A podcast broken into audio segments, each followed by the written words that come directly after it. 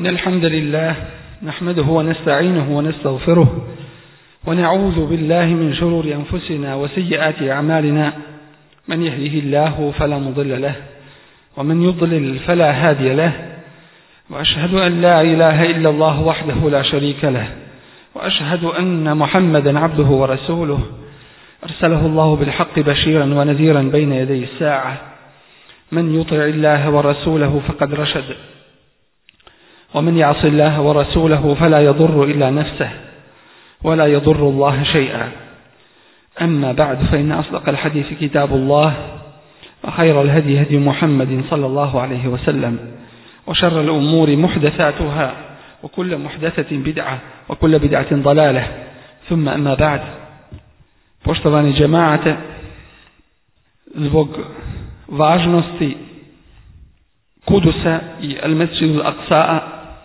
u islamu i kod muslimana zato što je to prva kibla muslimana i što je to drugi mesđid koji je napravljen i uspostavljen na zemlji i zato što je to sveta i blagoslovljena zemlja dužnost nam je da odgovorimo na neka pitanja vezana za Kudus i za tu zemlju Prvo zbog toga što je to vjersko pitanje i zato što drugi sebi prisvajaju kudus i govore da je to njihovo isključivo pravo. Na nama je da dadnemo odgovor Islama na to pitanje. Pa ćemo ukratko reći o istorijatu te zemlje, a zatim o pravu čije je i kome pripada na tu zemlju koja je blagoslovljena. Počinje istorijat te barek zemlje od vremena kada je Allaho poslanik Ibrahima a.s. hijđru učinio iz Iraka u Palestinu na to uže područje Šama i gdje su mu se je dobio svoje potomstvo Haka, a zatim Jakuba. Na tom je području Jakub je dobio dvanaest sinova na koje se dijele jevrejska plemena, njih dvanaest. Nakon toga Jakub sa svojih dvanaest sinova učinio je hijđru u Misir, za kojeg danas kažu Egipat, u vremenu kada je tamo boravio Jusuf a.s. kada su bile nerodne godine, gdje Kur'an kaže udhulu Misra inša Allahu aminin. Uđite u Misir sa Allahovom odredbom sigurni i bezvjerni. Benu Izrael su ostali u Misiru nešto oko dvije stotine godina, gdje su nakon perioda kraljeva bili u teškom stanju i potlačenom od strane faraona i u tome je period uzvišen je Allah subhanahu wa ta'ala poslao je kao svoju milost svoga poslanika Musa alaihi koji je pozivao faraona i njegove prvake u ibadet Allahu subhanahu wa ta'ala. Musa salam, izlazi sa Benu Israilom iz Misira upućujući se prema svetoj zemlji negdje oko 1350. godine prije rođenja Isaa salam. Tada je Musa salam, naredio Benu Israilu da se bore protiv stanovnika toga područja, područja Palestine, koji su bili idolopoklonici, mušlici. I o, tome, i o tome nam kaže uzvišeni Allah وَإِذْ musa ali لِقَوْمِهِ ja قَوْمِ I kada reče Musa svome narodu, o narode moj, uzkuru ni'mat Allahi alaikum, prisjetite se Allahove blagodati prema vama ja'ala vikum anbiya'a wa ja'alakum muluka. Kada je među vama učinio vjerovjesnike i kraljeve. Wa atakum ma lam yuti ahadan min al-alamin i dao vam je ono što nikome nije dao od ljudi. Ja qaum idkhulu al-ard al-muqaddasa. O moj narode, uđite u svetu zemlju. Allati kataba Allahu lakum koju vam je Allah propisao Wala ala I nemojte se unazad vraćati kalibu hasirin Pa da onda postanete od onih koji su u propasti. Oni tada odgovoriše O Musa, u njemu je jedan snažan narod i mi nećemo ući u to mjesto dok oni ne izađu, pa kada oni izađu onda ćemo mi ući. Tada rekoše dvojica ljudi koji su se bojali onoga što im je Allah dao od svojih blagodati, rekoše uđite u to mjesto koje ima vrata za ulaz, pa kada uđete vi ćete biti pobjednici, a na Allaha se oslonite ako ste vjernici. Oni rekoše, o Musa, mi nećemo ući nikada dok su oni u njemu idi ti i tvoj gospodar, pa se borite, mi ovdje sjedimo. Tada Musa reče, gospodaru moj, ja ne imam vlasti, osim nad sobom i svojim bratom. I zato ti presudi između nas i naroda griješničkog. I Allah tada reče, zabranjena im je ta zemlja. Četrdeset godina će lutati po zemlji i nemoj da budeš tužan za narodom griješničkim. Iz ovoga uzimamo kao pouku da dok su slijedili Allahove poslanike, a između njih i Musa a.s. Allah im je obećao svetu zemlju. Kada su odbili poslušnost uzvišenom Allahu u pogledu borbe na Allahovom putu, ona im je bila zabranjena 40 godina. Bili su kažnjeni lutanjem po zemlji, po pustinji. Tako su po Sinajskoj gori, po Sinaju, lutali 40 godina gdje je i Musa a.s. preselio Allahu subhanahu wa ta'ala na ahiret. Pa je, kako stoji u Buharijevoj i Muslimovoj zbirci hadisa, molio Musa, molio svoga gospodara da ga približi svetoj zemlji koliko da se može batiti kamen. Dakle, toliko da ga približi svetoj zemlji. Jer Resulullah a.s. kaže nam da zna gdje je ukopan Musa a.s. na putu prema, prema Kudusu. Nakon njega dolazi njegov zamjenik, Allahov vjerovjesnik, Juša ibn Nun, koji poziva ponovo svoj narod u borbu na Allahovom putu i tada osvajaju svetu zemlju. I to je onaj vjerovjesnik za koga spominje Resulullah a.s. u hadisu koga imam imami Buhari da kada se približio kada se približio mjestu koje treba osvojiti sunce je htjelo da zađi pa je tada on rekao sunce ti si naređeno tebi je naređeno, a i je naređeno. Allahu ti ga zaustavi, zaustavi sunce, pa ga je uzvišeni zaustavio da se dalje ne kreće dok nije osvojeno to mjesto. Naredio je uzvišeni subhanahu wa ta'ala benu Israilu kada su ulazili u svijeto mjesto da kažu hitta, što znači oprosti nam grijehe naše, smiluj nam se. A oni su te riječi zamijenili nečim drugim i govorili hilba. Što znači hoćemo pšenice, hoćemo hljeba, hoćemo da se najedemo. Pa uzvišeni kaže فَبَدَّلَ الَّذِينَ ظَلَمُوا قَوْلًا غَيْرَ Pa su nepravednici zamijenili ono što im je rečeno da kažu فَأَنْزَلْنَا عَلَى الَّذِينَ ظَلَمُوا رِجْزًا مِنَ السَّمَا Pa smo nepravednicima među njima spustili kaznu iz neba. Bimakanu kun zbog njihovog griješenja.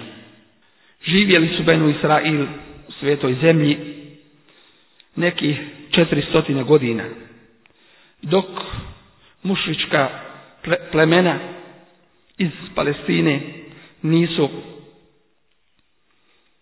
ih prevladala i nadječala i uzeli od njih svetosti koje su imali. Pa su oni zatražili da im od svoga vjerovjesnika da im Allah podari vladara koji će se boriti sa njima, koji će ih predvoditi protiv toga mušičkog naroda. Pa im je uzvišen je Allah dao taluta, koga oni su teškom mukom prihvatili na kraju, jer nije bio od imućnih i od onih koji su bili poznati po svome rodoslovlju. Nakon što pobjeđuje Talut u kojoj u čijoj vojsci je Davud alejselam Đaluta ili Golijata. Dolazi Davud alejselam da vodi taj narod, a nakon njega njegov sin Sulejman alejselam. 721. godine, 721. godine prije rođenja Isa a.s. uzvišen je Allah protiv Benu Israila nakon što su se ponovo izopačili ša, šalje Serđuna Esreuija koji je u potpunosti uništio kraljevstvo Benu Israila i Allahova prijetnja se ostvarila nad njima. Zatim je 587. godine prije rođenja Isa a.s. veliki pokolj učinio Bahtanasar u Palestini koji je došao iz zemlje Babila ili Vavilona koji je tom prilikom jedan dio naroda pobio a drugi odveo u zarobljeništvo i ostvarila se Allahova prijetnja u suratul Isra koja je spomenuta وَقَضَيْنَا إِلَى بَنِي إِسْرَائِيلَ فِي الْكِتَابِ I mi smo odredili Benu Israilu u knjizi Letufsidunne fil ardi marratein Veliki nered ćete na zemlji počiniti Wala ta'lunne uluvan kebira I uzoholit ćete se uveliko Fe iza wadu va'du lahuma I kada prva prijetnja se ostvari Ba'asna alejkum ibadan lana Mi ćemo protiv vas poslati one koji su u našoj vlasti Uni be'sin šedid koji posjeduju veliku snagu. Feđasu hilale dijar pa će svojim vojskama proći kroz vaše kuće. Vakane wa'de mef'ula a Allahovo obećanje i prijednja se ostvaruje. Godine 538. prije rođenja Isa salam dozvolio je perzijski vladar Feureš, Benu Israilu da se vrate u Palestinu. Zatim je 320. godine prije Milada došla Palestina pod vlast Grka, a zatim je 63. godine prije Milada došla pod vlast Rimljana. Tada je uzvišen Allah subhanahu wa ta'ala nakon toga i u tome periodu poslao svoga, e, svoga poslanika Isa a.s. Benu Israilu da potvrdi objave prije njega objavljene i da nagovijesti dolazak posljednjeg svoga poslanika Muhammeda sallallahu alaihi ve sellem. Gdje uzvišeni kaže i kada wa iz Isa ibn i kada reče Isa sin Marijamin ja beni Israil o benu Israile inni rasulullahi ilaikum ja sam poslanik Allahov vama, musaddiqan lima bejne jedeje min tevrah, da potvrdim ono što je objavljeno prije mene od Tevrata, wa mubashiran bi rasulin i da vas obradujem poslanikom yati min ba'di koji će doći nakon mene ismuhu Ahmed kome je ime Ahmed nastojali su Benu Israili da ometu Isa a.s. u njegovom davetu i pozivanju Allahu subhanahu wa ta'ala, pa su čak pokušali i da ga ubiju. Uzvišan je Allah subhanahu wa ta'ala dao je da im se podmiješa lik Isa a.s. sa jednim od prisutnih, tako da su jednog uzeli i razapeli a Isa a.s. uzvišeni subhanahu wa ta'ala je uzdigao u nebo. وَمَا قَتَلُوهُ وَمَا صَلَبُوهُ وَلَكِنْ شُبِّهَ لَهُمْ I nisu ga ni razapeli, niti su ga ubili, već ga je uzvišeni sebi uzdigao. Zbog tih i takvih radnji, zbog griješenja uzvišenom subhanahu wa ta'ala, zbog ubijanja Allahovih poslanika, zbog konstantnog nereda koji su činili na zemlji, iako su u vremenu svojih poslanika, kada su ih slijedili, bili odabran narod, oni su nakon toga prokleti. I to od strane svojih poslanika Isaa alaihi selam i Davuda. لعن الذين كفروا من بني إسرائيل على لسان داود وعيسى بن مريم ذلك بما عصوا وكانوا يعتدون كانوا لا يتناهون عن منكر فعلوه لبئس ما كانوا يفعلون Prokleti su nevjernici od Benu Israila. Jezikom Davuda i isa sina Merjeminog. To zato što su bili nepokorni i što su sve granice zla prelazili. Nisu jedni druge sprečavali uzlu, već su ga sami sobom činili. Loše li je to što su oni činili? I vidiš mnoge od njih kako prijateljuju i uzimaju za pomagače nevjernike. Loše li je to što su njihove ruke pripremile? To što se na njih Allah rasrdio i oni su vječno u njegovoj kazni. I kaže nam uzvišeni rabbuk i kada je odredio gospodar tvoj le jeb'asanna alejhim ila jeumil qiyame da će protiv njih slati do sudnjeg dana men jesumuhum su'el adab one koji će ih na najveće muke stavljati inna rabbeke la seri'u liqab zaista je tvoj gospodar taj koji brzo kažnjava wa innehu la rahim a on je taj koji je milostiv i oprašta. I zato je uzvišeni Allah subhanahu wa ta'ala zamijenio taj narod drugim narodom. Odabranim i najboljim narodom koji se pojavio među čovječanstvom. A to su sljedbenici posljednjeg njegovog resula Muhammeda sallallahu alaihi ve sellem za koje kaže uzvišeni kuntum hajra ummetin. Vi ste o muslimani najbolji ummet. Ta'muruna bil ma'ruf wa tanhauna 'anil munkar. Jer pozivate na dobro, naređujete dobro i odvraćate od zla. Wa tu'minuna billah i vjerujete Allaha. Ibrahim salam kada je tražio od uzvišenog subhanahu wa ta'ala da mu podari njemu i njegovom porodu blagodat. Uzvišeni Allah kaže La yanalu ahdi zalimin. Moje obećanje neće od tvojih potomaka obuhvatiti zulumčare, nepravednike. I uzvišenje Allah subhanahu wa ta'ala ističe da od poroda Ibrahimovog ima onih koji su vjernici, a ima i nevjernika. Ima onih koji su primjerom u dobru i dobročinstvu, ima i oni koji su primjerom u zlu i nevaljalštini. U amin zurrijetihima i od njihovog poroda, to jeste od poroda Ishaka i Ismaila, muhsin ima onih koji su dobročinitelji, avalimu li nefsihi mubin i jasan zulumčar sam sebi. I uzvišeni Allah, kada je dao svoje obećanje Ibrahimu alaihi selam, dao ga je u pogledu njegovih ispravnih sljedbenika. I onih koji budu na Allahovom putu do sudnjega dana.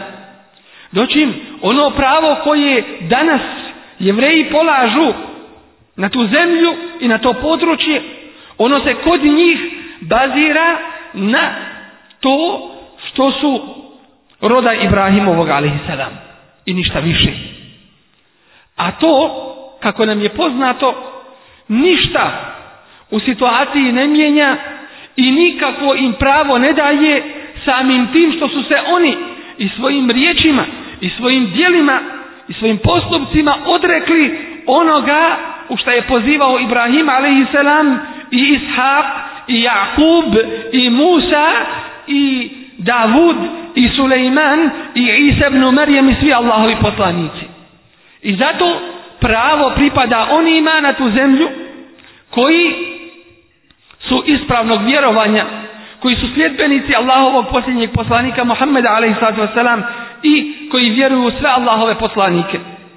I mi se čudimo i pitamo kako to da židovi uzimaju jedne tekstove iz Tevrata koji je doživio ono što je doživio od mijenjanja i promjene a kako zaboravljaju i ostavljaju druge?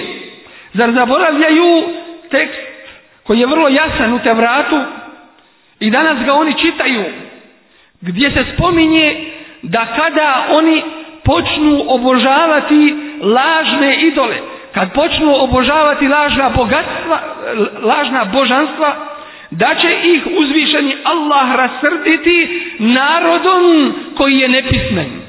A to je opis sljedbenika Muhammeda sallallahu alaihi wasallam. U pogledu drugih naroda su nepismeni.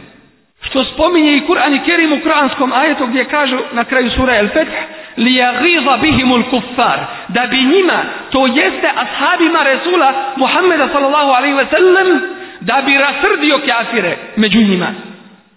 Dakle, to je svojstvo koje opisa, kojim je, kojim su opisani ashabi Resula sallallahu alaihi wasallam kako u Tevratu, tako i u Kur'anu.